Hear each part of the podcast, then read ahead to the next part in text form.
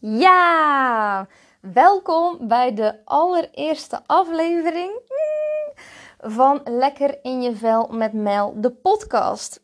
Ik ben echt mega enthousiast, want ik had dit plan al lang bedacht en nu hier in Ibiza kan deze podcast nu eindelijk van start. Waarbij ik dacht, misschien is het heel leuk om juist te starten bij hoe wij hier in Ibiza beland te zijn.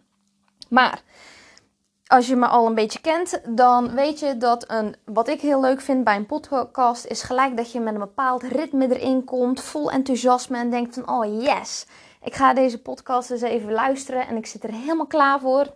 Of ik zit in de auto en ik ga dat eens even onderweg luisteren. Nou, ik hou dus van een lekker muziekje, dus dat betekent een intro en dat betekent ook een outro. Maar ik dacht, better start before you're ready en leren door te doen, gaan we gewoon lekker starten zonder een intro muziekje en zonder een outro muziekje. En gaat dat in de loop van de weken helemaal goed komen en zal je het nu doen met mijn enthousiaste begin zoals dat nu is. maar super leuk dat jij luistert naar deze podcast en zeker deze special edition aflevering hoe wij dus in Ibiza beland zijn. Super leuk dat ik allerlei vragen heb binnengekregen via de e-mail en via Instagram. En ik neem ze allemaal mee in mijn verhaal. Dus luister goed tijdens deze podcast, want daarin worden alle vragen beantwoord die naar mij toe zijn gestuurd. Wil jij nou dat jouw vraag ook beantwoord gaat worden? Dan zou jij mijn nieuwste e-book kunnen downloaden op Instagram waardoor je automatisch op de e-maillijst komt te staan, waar alle mailtjes terechtkomen voor elke nieuwe aflevering van de podcast. Ik neem elke podcast op met de vragen die jullie hebben met betrekking tot gezondheid in de allerbreedste zin van het woord. Dus zowel mentale gezondheid, emotioneel, fysiek, voeding, mindset, slaap, uh, financieel, relationeel, spiritueel, over je leven, neem het. Alles komt aan bod, omdat alles één groot geheel is. En there is no man left behind in deze podcast, omdat alles op elkaar werkt. En op dit moment van opnemen zit ik lekker in het zonnetje. Wel binnen in het zonnetje, omdat ik uh, even wat meer focus nodig had. Maar ik zit heerlijk te kijken naar die fantastische grote tuin die we hebben. Met het uitzicht op van die glooiende groene heuvels. Vol met dennenbomen, vol met amandelbomen. En dat dat heel rustgevend is. En dat de rust en de ruimte die ik nu ervaar, dat is echt iets wat een van mijn stippen op de horizon was toen wij begonnen met het realiseren om hier in Ibiza te komen. Dus laat ik starten bij waar het begon. En dan ga ik zelfs nog een klein stapje terug voor de stip op de horizon die wij gezet hebben. En dat is dat ik start bij dat Marvin en ik collega's waren. En dat Marvin en ik collega's waren en dat hij in 2015 op vakantie ging met vrienden naar Ibiza. En ik weet dat nog heel goed dat moment. Ik dacht echt van, huh, Ibiza, wat moet je daar nou gaan doen? Dat is toch alleen maar een party-eiland waarin je heel veel geld kwijt bent. Waarin je door kunt tot in de late uurtjes. En dat het enige wat je daar kan doen is uh, biertjes bestellen die 25 euro per stuk kosten. En dat, je, dat het enige is wat je daar te zoeken hebt. En in eerste instantie trok Ibiza mij dus niet zo. Omdat ik dus dat gevoel had en dat beeld had van... hé, hey, weet je, het gaat alleen maar om feesten in Ibiza. Geen idee waar dat op gebaseerd was. Waarschijnlijk op een stukje uh, horen zeggen van andere mensen. Um, maar dat was op dat moment mijn beeld. Nou, later um, uh, kregen Marvin en ik een relatie. En toen hadden we nog zin om op vakantie te gaan. En ik weet dat nog heel goed, dat moment. Um, waarop Marvin zei: Oh, zullen we samen naar Ibiza gaan? En ik had nog een beetje dat nasmaakje van: mm, Is dat wel iets? Party hardy.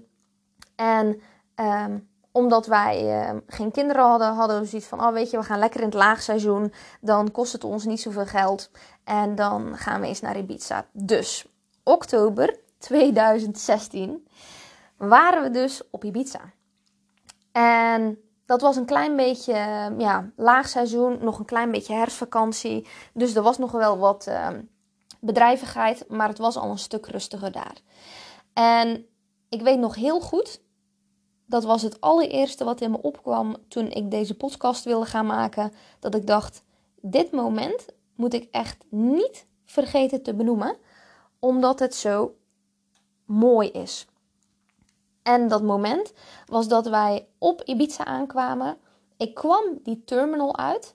En op het moment dat ik die terminal uitliep met mijn handbagagekoffertje en ik keek naar Ibiza en ik voelde gelijk in mijn systeem: Wauw, dit voelt nu al lekker. Echt super grappig. Terwijl ik er nog geen één stap van tevoren daar had gezet. Maar ik voelde daar gelijk van: wauw, dit voelt voor mij als thuis. En voor degenen die mij nog niet kennen, maar wel mijn stem nu al zo'n zes minuten horen, die kunnen wellicht gaan horen van: hé, hey, dat accent, waar komt dat nou eigenlijk vandaan? Nou, ik ben dus geboren en getogen in Zeeuws-Vlaanderen. En daar komt die lekkere rollende R en die harde G vandaan. En ik woon sinds mijn achttiende in Breda. Ik ben daar gaan studeren. En dat zoals de gemiddelde Zeeuw eigenlijk, omdat je in Zeeland niet echt fatsoenlijke opleidingen hebt, ga je studeren in Breda of in Tilburg. En bouw je daar je leven op, leer je daar je vrienden kennen en blijf je dus hangen in Breda en omstreken. Maar elke keer als ik dus terugging naar Zeeland, ik hoefde maar die provincie in te rijden, of dat nu was aan de Walgerse kant of dat dat nu was aan de Zeeuws-Vlaamse kant. Op het moment dat ik die provincie binnenreed, had ik altijd weer terug het gevoel van thuis. Dat ik weer binnenreed en voelde: dit is thuis. Dit is veilig. Dit is prettig. Die lange uitgestrekte polders. Uh, de rust, de ruimte, het strand natuurlijk, de Zeeuwse kust. Helemaal fantastisch. En terwijl ik heel goed wist, ik blijf in Breda, want daar heb ik school, daar heb ik mijn bedrijf, uh, daar heb ik mijn vrienden, was dat gevoel er altijd dat als ik dus terugging naar Zeeland om lekker aan het strand te liggen of om naar familie te gaan, dat elke keer als ik daar binnenreed, dat ik dat gevoel had. En exact dat Zeelandgevoel, om het even zo te benoemen, dat thuisgevoel, dat veilige gevoel, had ik dus ook direct toen ik in Ibiza aankwam. Heel bizar. Ik weet niet of je dat zelf ook hebt met een bepaalde regio, maar dat is het beste hoe ik het kan uitleggen. Dat ik dus eigenlijk gelijk het gevoel had van wauw, ik kom thuis op Ibiza. Toen, na oktober 2016, wij waren daar lekker op vakantie geweest. Het was fantastisch. En ik ging gewoon weer lekker door met werken als fysiotherapeut. Ik werkte in een praktijk in loondienst. En ik weet nog heel goed dat begin 2017, toen werkte ik al uh, vier jaar als fysiotherapeut, dat ik op een gegeven moment dacht: wat ben ik hier aan het doen? Ik wil mensen heel graag helpen met hun klachten.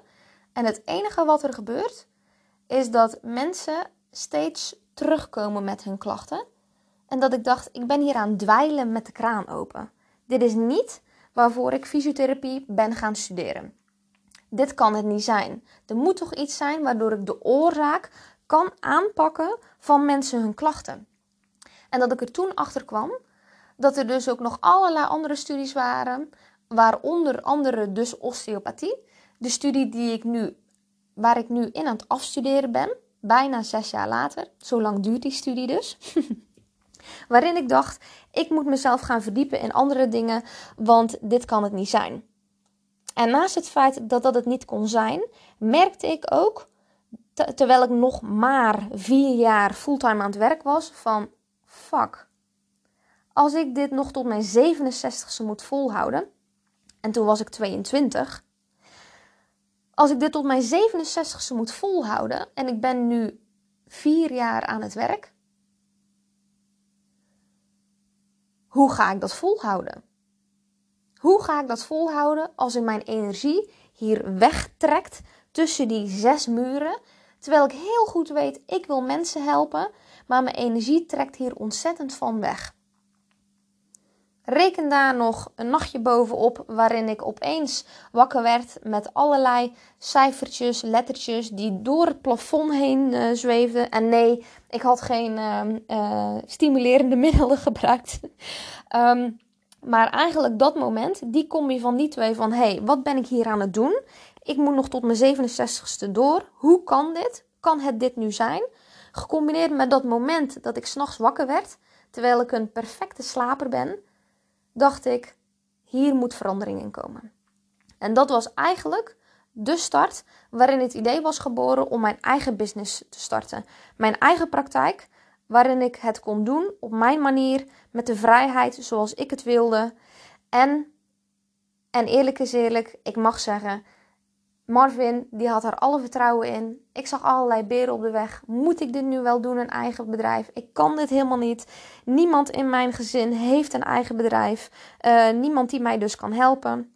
En degene die het meeste in mij geloofde, Marvin, die haalde mij eigenlijk over door veel met mij te praten van Mel, jij kan dit.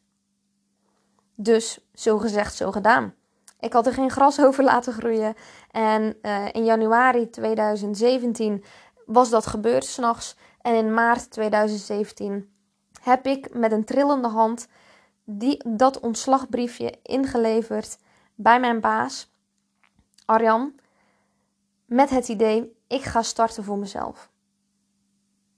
En bij het starten van een eigen business horen natuurlijk bepaalde verantwoordelijkheden, horen bepaalde zaken, maar ik had daar helemaal geen kaas van gegeten.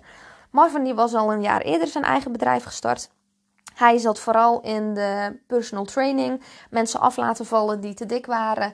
En dat was zijn, uh, uh, zijn piece of cake op een gegeven moment dachten wij van, hmm, misschien kunnen we ook wel starten met business coaching. Om te kijken van, hey, kunnen we onze bedrijven samen laten gaan?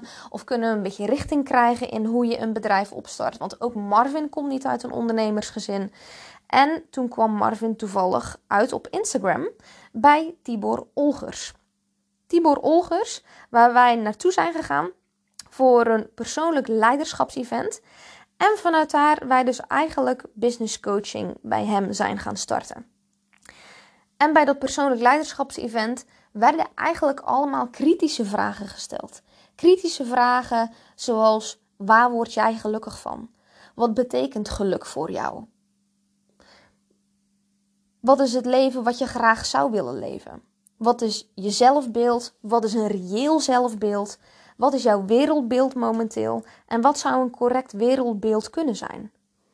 Allemaal vragen die om me de oren werden geslagen waarvan ik dacht: hier heb ik nooit over nagedacht. En toen kwamen nog eens allerlei vragen met: wat zijn je dromen? Uh, wat zou jouw droomleven zijn? Hoe zou dat eruit zien? En ook wat zou je vooral niet willen? Dus je kan je voorstellen dat op zo'n dag met persoonlijk leiderschap, ik weet het nog heel goed, oranje stoeltjes, een stuk of twintig in één ruimte, tien op een rij en nog een rijtje erachter, waarin ik echt dacht: wauw, wat wordt mij hier allemaal gevraagd en wat wordt mij hier allemaal geleerd en wat wordt mij hier allemaal verteld? Ik voelde me echt heel erg overweldigd, dat ik echt dacht van, hè? Dit zijn dingen waar ik nog nooit eerder van had gehoord. En die me hier dus gevraagd werden. En ik dus werd uitgedaagd om dus groter te denken. Om dus na te gaan denken van hé, hey, maar wat wil ik nu in mijn leven? Wat wil Marvin nu in zijn leven? En wat willen wij nu ook samen in ons leven? Ja, en dat was eigenlijk de start, eigenlijk de eye-opener voor mij en voor ons.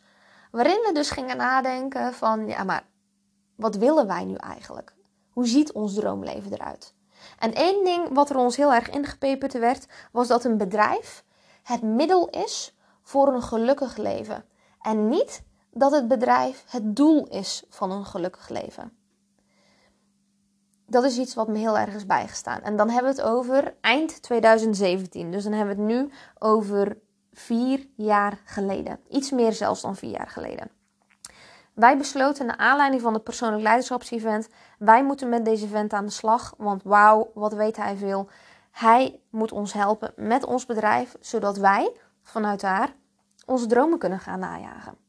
Dus naast strategie, wat hij ons geleerd heeft voor hoe bouw je een bedrijf op, uh, wat is er allemaal voor nodig, uh, hoe doe je marketing, hoe belangrijk is het om een doelgroep te hebben en nog allerlei bedrijfstechnische dingen, begon hij het dus ook te hebben over vermogensopbouw. Mijn oren die klapperden weer voor, uh, voor 100 keer. Want naast dat ik tijdens persoonlijk leiderschap al helemaal overweldigd was, begon hij dus over vermogensopbouw. Iets wat ik vanuit thuis totaal niet had meegekregen. Wat dat betreft komen Marvin en ik allebei uit eenzelfde soort type gezin. En dat is allebei, dat wij dus allebei uit een arbeidersgezin komen. Waarin er wordt geleerd, je moet hard werken voor weinig. En dat als je succesvol wilt zijn, dan moet je gewoon heel hard werken. En Tibor die begon dus over vermogensopbouw. En hij leerde ons hele slimme trucjes. Zoals bijvoorbeeld hoeveel procent van je omzet zet je nu eigenlijk waar weg? En ik dacht gewoon, dat komt allemaal op één rekening uit. En dan uh, gaat je belastingdienst eraf. En alles wat je overhoudt, ja, dat kan je dan uh, meedoen met wat je wil. Maar hij leerde mij en Marvin dus nadenken over wat ga je nou allemaal doen met je geld. Dus openen wij subrekeningen, zoals een rekening van de Belastingdienst voor je inkomstenbelasting, maar ook een rekening voor je BTW, wat gewoon elk kwartaal er komt. Ook hadden we een rekening geopend voor een noodfonds, want wat als je nu ziek bent? Ga je dan kiezen voor een arbeidsongeschiktheidsverzekering of ga je zelf een noodfonds bouwen? En hoeveel procent zet je dan van je omzet op dat noodfonds? Voor als je een keer ziek bent of je hebt een keer een blessure en je kan niet werken. Hoe ga je dat oplossen? Want één ding is zeker, een arbeidsongeschiktheidsverzekering, ja, dat kost klauwen met geld. En als startende ondernemer hadden wij daar niet uh, de behoefte aan om daar ons geld in weg te zetten. En waar hij het dus ook over had, was dus een subrekening te openen om dus te kunnen investeren. En dat we dus 10% van onze omzet weg moesten zetten als investering. Om te kunnen investeren in ons bedrijf, maar ook om te kunnen investeren in jezelf. Of dus ook om vermogen op te kunnen bouwen. En ik weet het nog heel goed. Hij zei even tussen neus en lippen door: Oh, misschien is crypto ook wel interessant om je vermogen in op te bouwen. Kennen jullie dat al? Kennen jullie Bitcoin? Ik heb toevallig nou een klein stukje Bitcoin uh, gekocht. En uh, dat is misschien ook wel uh, interessant voor jullie om op die manier je vermogen op te kunnen bouwen. En het eerste wat ik weer dacht, want alles wat hij vertelde was voor mij zo nieuw, dat het eerste wat ik dacht was: what the fuck is crypto? What the fuck is Bitcoin? Ik heb hier nog nooit van gehoord. En uh, wat is dit? Toen Marvin. Nee, dit ga ik anders zeggen. Marvin die vond het heel fascinerend die merkte gelijk al vanaf moment 1 van wauw, ik word hier naartoe getrokken naar die crypto. Wat is dat voor wereld? Wat is Bitcoin? Wat is Ethereum? Hoe werkt die wereld? En doordat hij er zo indook voor ons en hij mij meenam in de grote lijnen, was er eigenlijk een wereld die wij niet kenden, maar die wel opende voor ons. Een onbekende wereld waarvan wij dachten: wauw, wij zijn hier mega nieuwsgierig in. Marvin is van ons degene die een beetje de strategische is. Ik ben de doener van ons twee. Ondertussen gaat er even een mooie kriebel door mijn keel. en Marvin dook er dus helemaal in. Hij vond die wereld fantastisch. Ik vond die wereld ook fantastisch. Maar ik had het op dat moment heel druk met mijn bedrijf. En hij had wat meer ruimte, waardoor hij voor ons samen dus in die wereld dook van Bitcoin, van Ethereum, van crypto. Hoe werkt dat? Hij begon allerlei mensen te volgen om dus erachter te komen en te begrijpen van hé, hey, hoe werkt die wereld nu eigenlijk? En ondertussen kwamen we door die persoonlijk leiderschap, door dat persoonlijk leiderschapsevent en door dat traject met Tibor er eigenlijk achter wat is onze stip op de horizon? Hoe kunnen wij met onze bedrijven ervoor zorgen dat we ons droomleven kunnen bereiken? Hoe kunnen wij onze bedrijven zo inzetten dat we onze droom bereiken en dat we onze passie daarmee en onze liefde daarmee ook kunnen vervullen. Hoe ziet ons droomleven eruit? Wat is ons droomleven waar wij gelukkig van worden? In plaats van wat is normaal in de maatschappij? Uh, het huisje, boompje, beestje verhaal. Uh, het genoeg nemen met hoe het in de maatschappij het gemiddelde eruit ziet. Dus we gingen eigenlijk nadenken voorbij die eenheidsworst. We gingen groter nadenken van wat onze mogelijkheden waren en wat wilden wij nu eigenlijk. En zo kwamen we dus eigenlijk samen op hey, hoe zou dat leven eruit zien? Marvin die was al heel snel duidelijk en helder daarin. Ik wil wonen in het buitenland. Ik wil wonen in Spanje. Ik voel mij daar heel erg prettig. Daar wil ik naartoe. Ik had niet heel specifiek het gevoel van wauw, ik wil in Spanje wonen. Het gevoel wat ik wel had, was dat doordat ik had gereisd in het verleden. Ik ben bijvoorbeeld zeven maanden naar Australië geweest. Ik ben in Mexico geweest. Dat ik wist, ik hou heel erg van reizen. Ik vind het fantastisch om nieuwe dingen te ontdekken, culturen te ervaren, nieuwe dingen uh, te proeven. En ik hield dus heel erg van het ontdekken en de vrijheid die reizen met zich meebracht. Er was alleen één ding die op dat moment belangrijk was. En dat is dat wij toen een kat hadden. En die heb ik nog steeds. Die zit hier lekker, of die ligt hier lekker naast mij op de bank. Minion. Waarin we dus wisten van oké, wij hebben gekozen voor deze kat. En ondertussen zijn er nog twee katten bijgekomen. Crypto en Ibiza. Die, uh, die zien jullie ook wel eens voorbij komen op Instagram. En zo niet, volg mij dan op Instagram zodat je hun wel eens ziet. En je zal ondertussen wel moeten lachen en begrijpen waarom crypto crypto heet en waarom Ibiza Ibiza heet. maar door onze kat Minion en de verantwoordelijkheid die wij uh, voelden voor haar, hadden we dus zoiets van: oké, het digital nomad life van plek naar plek reizen is niet voor ons weggelegd. Want wij hebben een kat, daar nemen wij de verantwoordelijkheid voor. En als je start met een dier, willen we dat ook eindigen met een dier. Dus kwamen we eigenlijk dus op ons droomleven waarin we voelden van ja, wij gaan op Ibiza wonen. Dat is onze uitvalsbasis. De plek in Spanje waarin Marvin zich heel prettig voelt.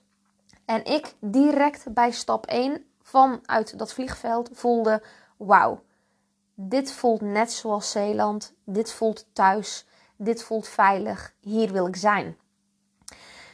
En kwamen we dus op: wij gaan in Ibiza wonen. En daarnaast willen we veel reizen. En dat we vanuit daar juist kortere reizen maken. Dus in plaats van een maand weg te zijn, dat we ervoor kiezen om twee weken weg te zijn. Zodat we wel iemand wel ervoor kunnen zorgen dat uh, er een oppas is voor Minion. Maar dat we dus wel ook van de vrijheid kunnen genieten. En dat kunnen combineren met uh, de verantwoordelijkheid die wij namen voor onze ene kat die we op dat moment hadden. En wat wij dus wilden, buiten dat stukje, hey, we gaan op Ibiza wonen en we willen veel reizen om dingen te ontdekken. En daar leer je ook weer heel veel van in je persoonlijke ontwikkeling. Voelden we ook, wij willen rust en ruimte. Wij woonden in een appartementje in Breda, bij een heel druk kruispunt. Dat appartementje dat was 60 vierkante meters met één slaapkamer. En dat was bij een druk kruispunt waar toevallig ook de route lag van een ambulance, van een brandweer en van de politie. En combineer dat met een appartementje wat gebouwd is in de jaren 50, dus de isolatie niet helemaal top is en je daardoor best wel op een drukke plek woont. Dus we hadden heel erg behoefte aan rust en aan ruimte. Plus een gezonde lifestyle. Wij wilden alles kunnen betalen dat zorgde voor een gezonde lifestyle. Het eten kunnen kopen wat daarbij past. Dus als we die blauwe bessen wilden kopen die niet in de bonus waren, dat we gewoon die blauwe bessen konden kopen. Dat we altijd konden kiezen voor biologische vis of vlees. Altijd konden kiezen voor biologische groenten. En dat we op die manier altijd konden werken aan een gezonde lifestyle. Als we het hebben over eten Als we het hebben over ehm, sporten, dat we gewoon geld uit kunnen geven aan sporten. Als dat personal training zou zijn, dat we daar geld aan konden besteden. Ehm, en dat als we materialen nodig hadden of als we voor in de keuken materiaal nodig hebben, dat we dat dus gewoon kunnen kopen zonder problemen. Dat was eigenlijk voor ons een gezonde lifestyle. Dus de combi van Ibiza, veel kunnen reizen, rust en ruimte en die gezonde lifestyle. Echt voorbij de eenheidsworst van hoe ja, het gemiddelde leven van ja, een Nederlander er eigenlijk in de huidige maatschappij eruit ziet. Dus met die stip op de horizon dachten we: hoe kunnen wij ervoor zorgen dat als dit dus onze droom is en dit onze droom lifestyle is, hoe kunnen wij ervoor zorgen dat we dat dus kunnen gaan realiseren? Marvin was ondertussen helemaal bekend in de wereld van crypto en hij kwam op het geniale idee: misschien kan je je appartement verkopen. dat was dat appartement. Had ik in 2015 had ik dat gekocht. Dat had ik alleen gekocht. En voor mij was dat echt een beetje een soort van statussymbool als mijn Miss Independent uh, appartementje. Wat ik voor altijd zou houden. Omdat ik dan dacht, oh dan ga ik vanuit als wij hier weg zijn, is dat mooi mijn eerste vastgoedprojectje. En dan kunnen we dat aanhouden en dan kunnen we daarna een nieuw huis kopen. Dat was eigenlijk mijn idee toen ik dit appartement kocht. Marvin zijn idee, dat kwam in eerste instantie niet zo, ja, lekker op mijn dak. mijn Miss Independent die vond daar nogal wat van. Maar uiteindelijk, na zes weken ruzie maken, want hij hield niet op, ehm, kwam hij eigenlijk met de vraag, en dat was de vraag waarvan ik dacht: wauw, nu snap ik wat jij bedoelt. En wij gaan hier 1000% voor. En dat was de vraag: Mel, waar ga jij of waar gaan wij het meeste spijt van krijgen? Gaan wij het meeste spijt van krijgen dat wij dit niet verkopen en dat over een paar jaar de Bitcoin op zoveel keer staat en dat wij dachten: fuck, wij hebben op dat punt gestaan en we hadden dit kunnen doen? En dat dus de pijn heel groot zou zijn dat wij het niet gedaan zouden hebben en denken van wauw, we hadden dus een paar jaar later gewoon miljoenen gehad. Of zouden wij spijt krijgen van het feit dat wij het wel zouden doen? Met de kans, zeker in 2017, met de kans, omdat het toen nog wat onzekerder was, dat dus ook Bitcoin naar nul zou kunnen gaan, maar dat we het wel geprobeerd hadden. Met de potentie die Bitcoin op dat moment had, Waar zouden wij dan meer spijt van krijgen? En met Marvin zijn uh, onderzoeken gecombineerd met wat hij me allemaal liet zien en wat dus de potentie was van Bitcoin, dacht ik ook echt: wauw, ik zou wel gek zijn als, ik het, als we het niet zouden doen. Want wij zouden zoveel meer spijt hebben dat als wij het niet hadden gedaan, dan dat wij het wel zouden gedaan hebben. Want wat kan er nu in Nederland wat is nu het allerergste wat je zou kunnen overkomen? Nou, in ons geval zou het allerergste wat ons zou kunnen overkomen, zou dus zijn dat we ons appartement moesten verkopen. Of dat we de huur van het appartement dus op moesten zeggen. En dat we vanuit daar alles moesten verkopen en bij Marvin zijn vader in zou moeten gaan wonen. Nou, als dat het allerergste is wat je kan overkomen in Nederland, dan dacht ik, nou dan is dat risico minimaal. Voor je ego was het wel een dikke deuk. Maar buiten de ego om, wat is nou het allergrootste risico wat je dus kon hebben in Nederland? En toen dacht ik, ja, ik ben helemaal om. Dus hebben wij ervoor gekozen om het appartement te verkopen. Want ik had dat in een goede tijd gekocht, dus er zat wel uh, mooi wat overwaarde op. We hebben dus alle winsten van het appartement hebben wij in crypto gedaan in 2018. Wij hebben toen onze eigen praktijk geopend in 2018, waardoor er ook een auto weg kon. En we dus van twee auto's naar één auto zijn gegaan. En daarnaast heeft Marvin ervoor gezorgd dat het, uh, er een deel vrij kwam van het huis van zijn vader. Waardoor we dus echt konden maximaliseren op crypto. En dat we daarnaast, naast maximaal uh, inzetten op crypto, Al onze bedrijfswinsten gingen daar ook naartoe. Uh, wat wij tussen 2017 en 2020 aan elkaar hebben gewerkt.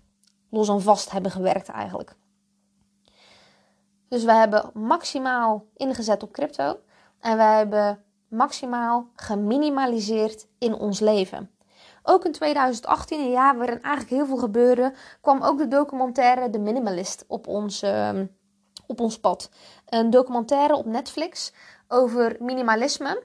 Uh, over een stukje koopgedrag, maar ook over vragen zoals: waar word je nu echt gelukkig van? Van welke spullen word je nu echt gelukkig? En wat heb je nu echt nodig? Ook kwam ik ondertussen het boek tegen van Jelle Derks, Verlangen naar minder. En door die combinatie van de Netflix-documentaire The Minimalist en het boek van Jelle Derks, Verlangen naar minder, zijn wij gaan ontspullen. En hadden wij binnen één weekend, no time, acht zakken vol met spullen waar wij niet gelukkig van werden. En dat wij dus bij alles vanaf dat moment ons de vraag afstelden: worden wij nu echt gelukkig van ditgene wat we graag willen kopen? Is dit nu echt nodig? Om op die manier dus en bewust te worden van je eigen koopgedrag, ondertussen ook meer geld in je portemonnee te houden, waardoor we dus ook meer geld konden zetten op crypto.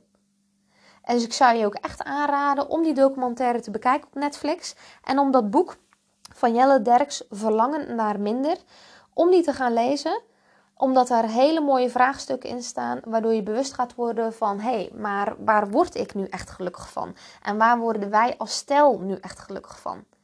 Wij kwamen er bijvoorbeeld achter dat wij helemaal niet zo gelukkig werden van accessoires, omdat wij heel graag rust en ruimte in ons huis wilden, omdat we al genoeg drukte en chaos in ons hoofd hadden. Waar wij wel blij van werden, was van groen, van planten. Dus hebben wij best wel wat planten in ons huis gezet, terwijl we de rust en ruimte nog konden bewaren. En laten we vooropstellen, dat was af en toe was dat echt niet makkelijk. En uh, soms was het heel moeilijk om te zien dat vrienden aan het groeien waren van een appartementje naar een huis met een tuin. Uh, en dat je daar wel eens in die tuin zat en dacht van, oh, dit wil ik ook zo graag. Uh, of dat ze een nieuwe auto kochten en dat je denkt van, wauw, dat is echt wel een mooie auto. Maar dat je gewoon voelde, één, dat is waar wij niet gelukkig van worden. En twee, onze focus voor die stip op de horizon, die was eigenlijk zo helder. Dat we gewoon wisten, Mel, Marvin, het is een kwestie van geduld. Blijf doorgaan, hou die focus op die stip, hou het geduld en blijf doorgaan, want we zijn aan het werken aan het juiste. We zijn nu continu aan het zaaien om straks te kunnen oogsten. Hou dat in je gedachten. Ondertussen, in 2019, zijn wij ook nog getrouwd in Ibiza en hebben wij met vrienden op Ibiza een heel leuk weekend gehad. Dat was echt fantastisch. We hebben onze vrienden mee kunnen nemen in, naar Ibiza. Over hoe leuk het was. Over wat voor mooie plekken Ibiza heeft. En we hebben onze droombruiloft daar waar kunnen maken. Al een beetje een smaak te pakken kunnen krijgen in het droomleven hoe wij dat graag wilden. Dus we hadden een hele mooie villa gehuurd met zwembad, alles erop en eraan. Op een fantastische plek waarin we dus eigenlijk al een beetje konden proeven naar dat droomleven en die lifestyle waar wij zo blij van werden. Dus dat was echt super tof. We hebben ook hun ogen groter, uh, we hebben hun ogen open laten gaan. Hun vizier ook kunnen vergroten, kunnen verbreden. En veel van onze vrienden mee kunnen nemen in dat stukje van: hé, hey, maar waar word jij niet gelukkig van? Wat is jouw droomleven? En dus ook dat crypto daarin een oplossing zou kunnen zijn. In plaats van tot je 67ste fulltime doorbuffelen. Um, en dan eigenlijk niet het droomleven hebt kunnen leven wat je zo graag wilde. En in die tijd, in 2019, hebben we dus ook familie en vrienden daarin meegenomen. Voor degenen die daar open voor stonden. Um, om dus mee te nemen in dat crypto-verhaal. En hoe zij dus dat ook voor zichzelf konden bewerkstelligen. Iets waar we nog steeds extreem dankbaar voor zijn dat we dat toen hebben gedaan. En dat er dus ook vrienden van ons zijn ingestapt. En we dus nu dat kunnen delen. En dat succes ook kunnen delen. En dat het heel leuk is om dat te kunnen zien. Dat zij ook hun dromen kunnen gaan realiseren. In die tussentijd, want we zitten nu natuurlijk in 2021, kwam in 2020 natuurlijk corona. Daar was een forse dip in de crypto. Ik weet het nog heel goed. Wij zouden op windsport gaan in uh, maart. 17, uh, 14 maart was dat. Ik weet het nog heel goed. Wij gaan altijd met mijn verjaardag op windsport. Ik ben 18 maart jarig. En op het moment dat wij op het vertrekpunt stonden om windsport te gaan, kregen we het bericht: Oostenrijk gaat op slot, corona gevallen, jullie kunnen niet op windsport. Um, terwijl ons busje dus al volgeladen was. En wij dachten echt: fuck. Dit is echt balen. Maar goed, dit is balen. En ik weet nog heel goed, de dag daarna uh, stortte opeens de hele crypto-markt in. En wij stonden echt even met ons bek vol tanden. En dachten: holy fuck. Wat is dit? En dat was echt even een deuk. Dat, dat was echt even een verdrietige periode. Wij merkten daarin echt van: wauw, dit komt zo hard aan. Dat was echt even een paar dagen elkaar steunen, oprapen. Was echt niet makkelijk. Om zeker ook niet makkelijk om vast te houden. Want je bent dan geneigd om alles eraf te halen wat je er nog op hebt staan. Maar we wisten, dit is onze stip. Blijf die focus behouden. Blijf geduld hebben. Blijf vasthouden.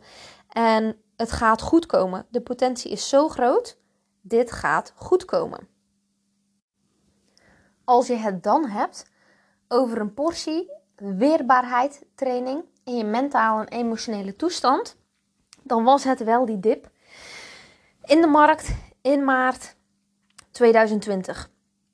En behalve die dip, waar we ontzettend veel van geleerd hebben, kwam eigenlijk die hele periode waarin ook mijn praktijk een paar maanden dicht moest door corona. Uh, kwamen er ook goede dingen. Want het leek even allemaal tegen te zitten. Terwijl ons vermogen zo mooi aan het groeien was in de loop van de jaren, leek eventjes alles bij elkaar tegen te zitten. Maar tegelijkertijd kwam er eigenlijk ook een heel mooi perspectief. Want één, toen kwam de geboorte van Lekker in je vel met Mel. Om dus ook een online bedrijf te starten naast mijn praktijk, mijn fysieke praktijk. Daarnaast zag ik ook dat de opleiding ook prima online kon. En dan heb ik het over de opleiding osteopathie die ik doe, waar ik in mei van zal afstuderen. Die kon dus ook online. Veel meer dan dat ze uh, aanvankelijk eigenlijk deden. En door die combinatie met het perspectief van een online bedrijf voor mij, door de, en de opleiding dus ook online kon, dat we zagen dat de cryptomarkt weer mooi omhoog ging, hadden we zoiets van: we gaan onze plannen naar voren trekken. Als we nu zien door corona wat er allemaal gebeurt, wat voor positieve dingen er eigenlijk ook gebeuren in zo'n periode van een serieuze lockdown, kunnen we onze plannen dus naar voren trekken, omdat er dus veel meer mogelijk is dan dat we dachten. En we hadden eigenlijk bedacht om na mijn opleiding, als die af was in mei 2022, om dan naar Ibiza te gaan.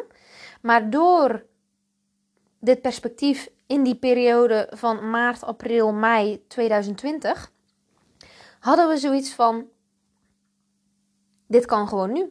Het kan gewoon veel sneller dan dat wij denken. Het enige wat nog nodig is, is dat de cryptomarkt herstelt. En dan gaan we alles in werking zetten om ervoor te zorgen dat dit ons gewoon een jaar eerder gaat gebeuren. Ik ben dus uh, op onderzoek gegaan via de Facebookpagina Nederlanders op Ibiza. Ben ik dus op allerlei informatie gekomen over hoe het werkt op Ibiza. Uh, met een bedrijf starten, over fysiotherapie, osteopathie. Uh, en heb ik zo meer informatie vergaard. En Marvin heeft dat eigenlijk gedaan via LinkedIn. En toen is hij bij onze uh, aankoopmakelaar terechtgekomen bij Sevan van Remax Ibiza. In die periode, toen we al die contacten hadden gelegd, hadden georiënteerd van hey, hoe werkt het op Ibiza, uh, ook met kopen van huizen, wat zijn de prijzen, wat willen wij heel graag en wat is daar allemaal voor nodig om dat te bewerkstelligen. Um, wat wilde ik daar nou over zeggen? Um, oh ja, terwijl we dat aan het bewerkstelligen waren, ging de markt weer mooi omhoog. En ging die precies naar het punt wat eigenlijk Plan B had verwacht aan het einde van 2020. En dat dus in december Bitcoin op 20.000 dollar, geloof ik, zou staan. Dat was voor ons echt fantastisch. Daar waren we zo blij mee. We zagen daarin ook van, hé, hey, weet je, zie je wel, de markt herstelt zich. We, dat vertrouwen wat we erin hadden, dat mogen we erin blijven hebben. Want er waren zoveel andere mensen ingestapt. De markt was zoveel stabieler. In 2017 was hij veel onzekerder. Er kan gewoon niets meer fout gaan met de cryptomarkt. En door dat vertrouwen wat wij erin hadden, Marvin die daarin continu zijn huiswerk bleef doen, waar hij echt zijn credits voor, uh, voor mag krijgen. Hij vond het namelijk echt een hele fantastische wereld. Hebben wij ons vermogen echt zo kunnen laten groeien. Waardoor we dus in staat waren om onze plannen dus naar voren te trekken. Alleen was er wel één ding wat belangrijk was. En dat is dat we dus eerst begonnen met een huis te huren op Ibiza. En dat we later zouden gaan kopen. We hadden uiteindelijk contact gehad met onze aankoopmakelaar Sevan, zoals ik al eerder zei. En wij zijn dus in mei, afgelopen mei, zijn wij in Ibiza geweest. En hebben wij geproefd van Ibiza, omdat het twee jaar geleden met onze bruiloft was het eigenlijk dus twee jaar geleden dat wij daar waren geweest. En ik ben een type, ik moet dat voelen, ik moet dat ervaren, ik moet daar zijn om te voelen van, hey, is dit nog hetgene wat wij willen? Dus wij gingen naar Ibiza en ik wilde ook heel graag voelen hoe het was om in die huizen te staan die wij graag wilden. Hoe het aanvoelde, wat voor plekken er allemaal waren. Dus gingen wij in mei met Sevan huizen kijken. Ja, en dat was natuurlijk fantastisch. Wij stonden daar in die huizen en wij dachten: ja, dit is wat wij willen. Ons gevoel werd helemaal versterkt. Wij waren enthousiast en wij dachten gelijk: wij gaan checken, wij gaan regelen dat wij dat gewoon nu kunnen gaan kopen. dat was natuurlijk allemaal mijn schuld, want ik wilde natuurlijk dat allemaal uh, ervaren en voelen hoe dat was op Ibiza, waarin we uiteindelijk ervoor hadden gekozen om uh, niet te gaan kopen. We hadden in mei een hele mooie all-time high in ons vermogen. En ongeveer toen wij terugkwamen uit Ibiza, was de cryptomarkt weer wat ingezakt.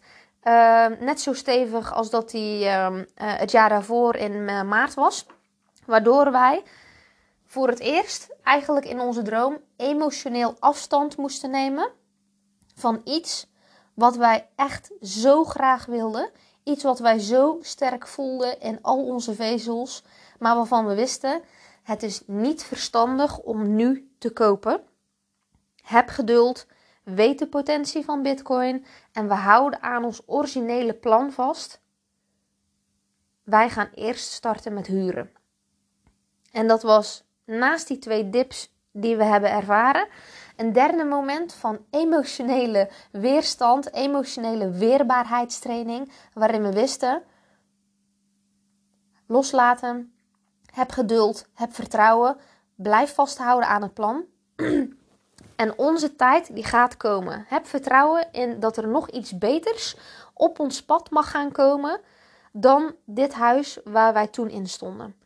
En toen hebben wij besloten: oké, wij gaan, toen wij in mei in Ibiza waren geweest, hebben wij de stip op onze horizon nog strakker neergezet.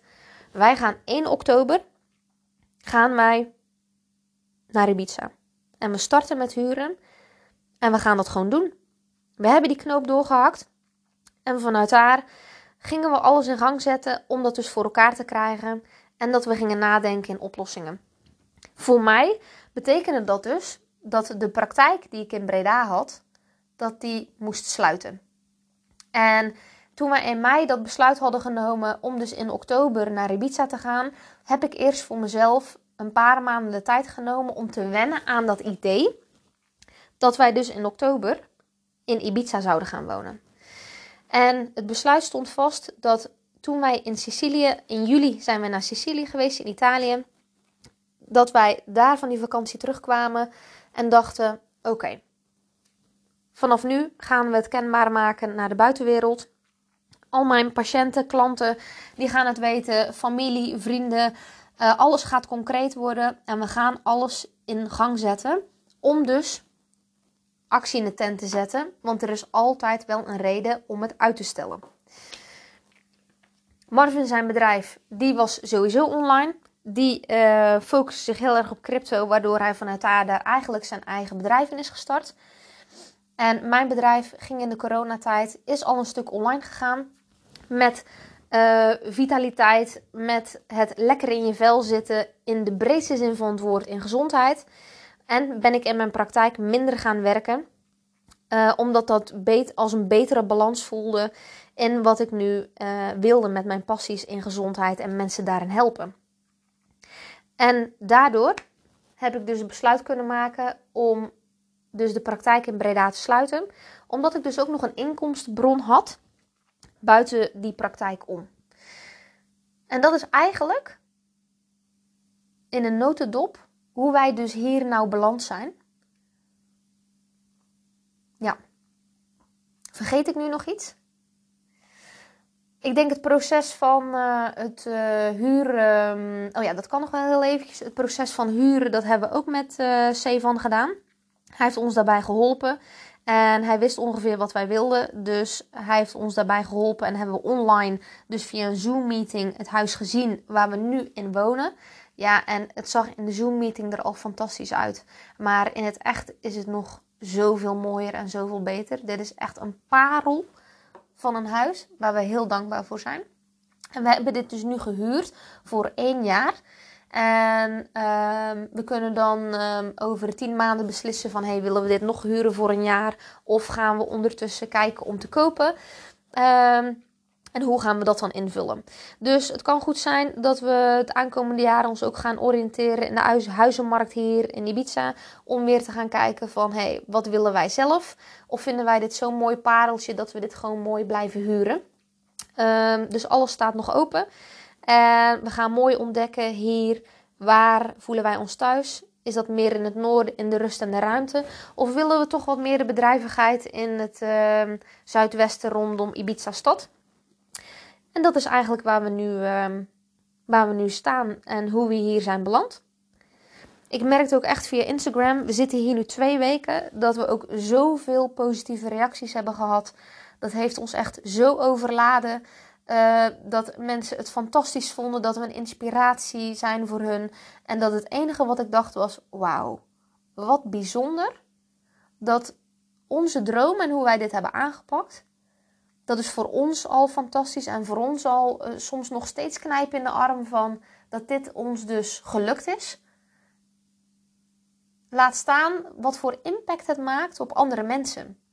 En dat ik daarom dacht: oké, de allereerste podcastaflevering, die moet hier dus over gaan. Omdat er dus blijkbaar zoveel waarde en impact in zit. En dat is wat ik jullie ook gun. Dat is wat ik iedereen gun. Om dus jouw droomleven, jouw droomhuis, jouw droomlifestyle te kunnen gaan bewerkstelligen.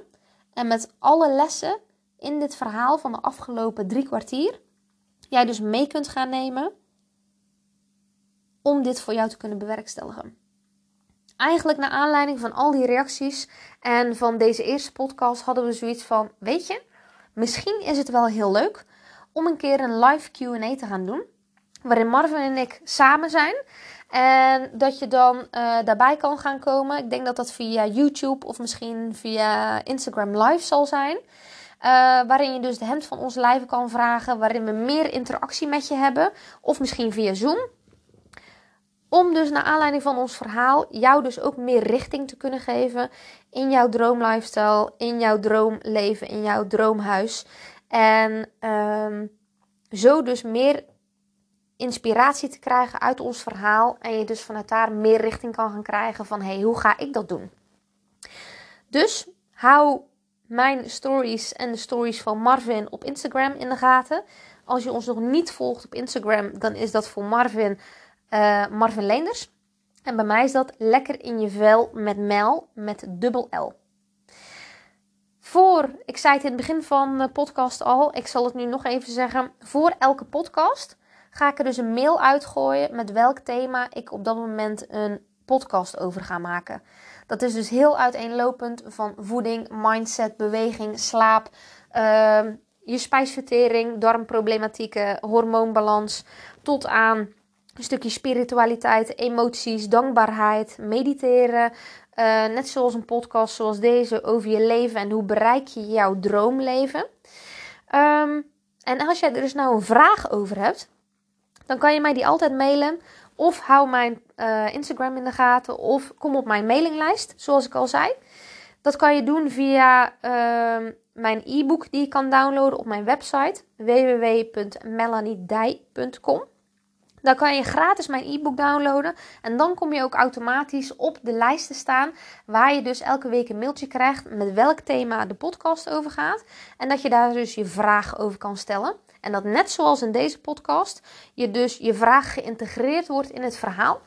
Uh, waar je dus op die manier een antwoord op krijgt. Ik hoop ook voor degenen die hun vragen hebben ingeleverd, dat ik een mooi antwoord door heb, heb op kunnen geven. En ik vond het in ieder geval hartstikke leuk. Eén ding is sowieso mislukt. En dat is dat deze podcast geen 30 minuten duurt, maar 50. maar goed, um, ik denk dat het de moeite waard was om het, om het verhaal um, mee te krijgen. Ik wil je ontzettend bedanken dat je geluisterd hebt. En tot de volgende podcast.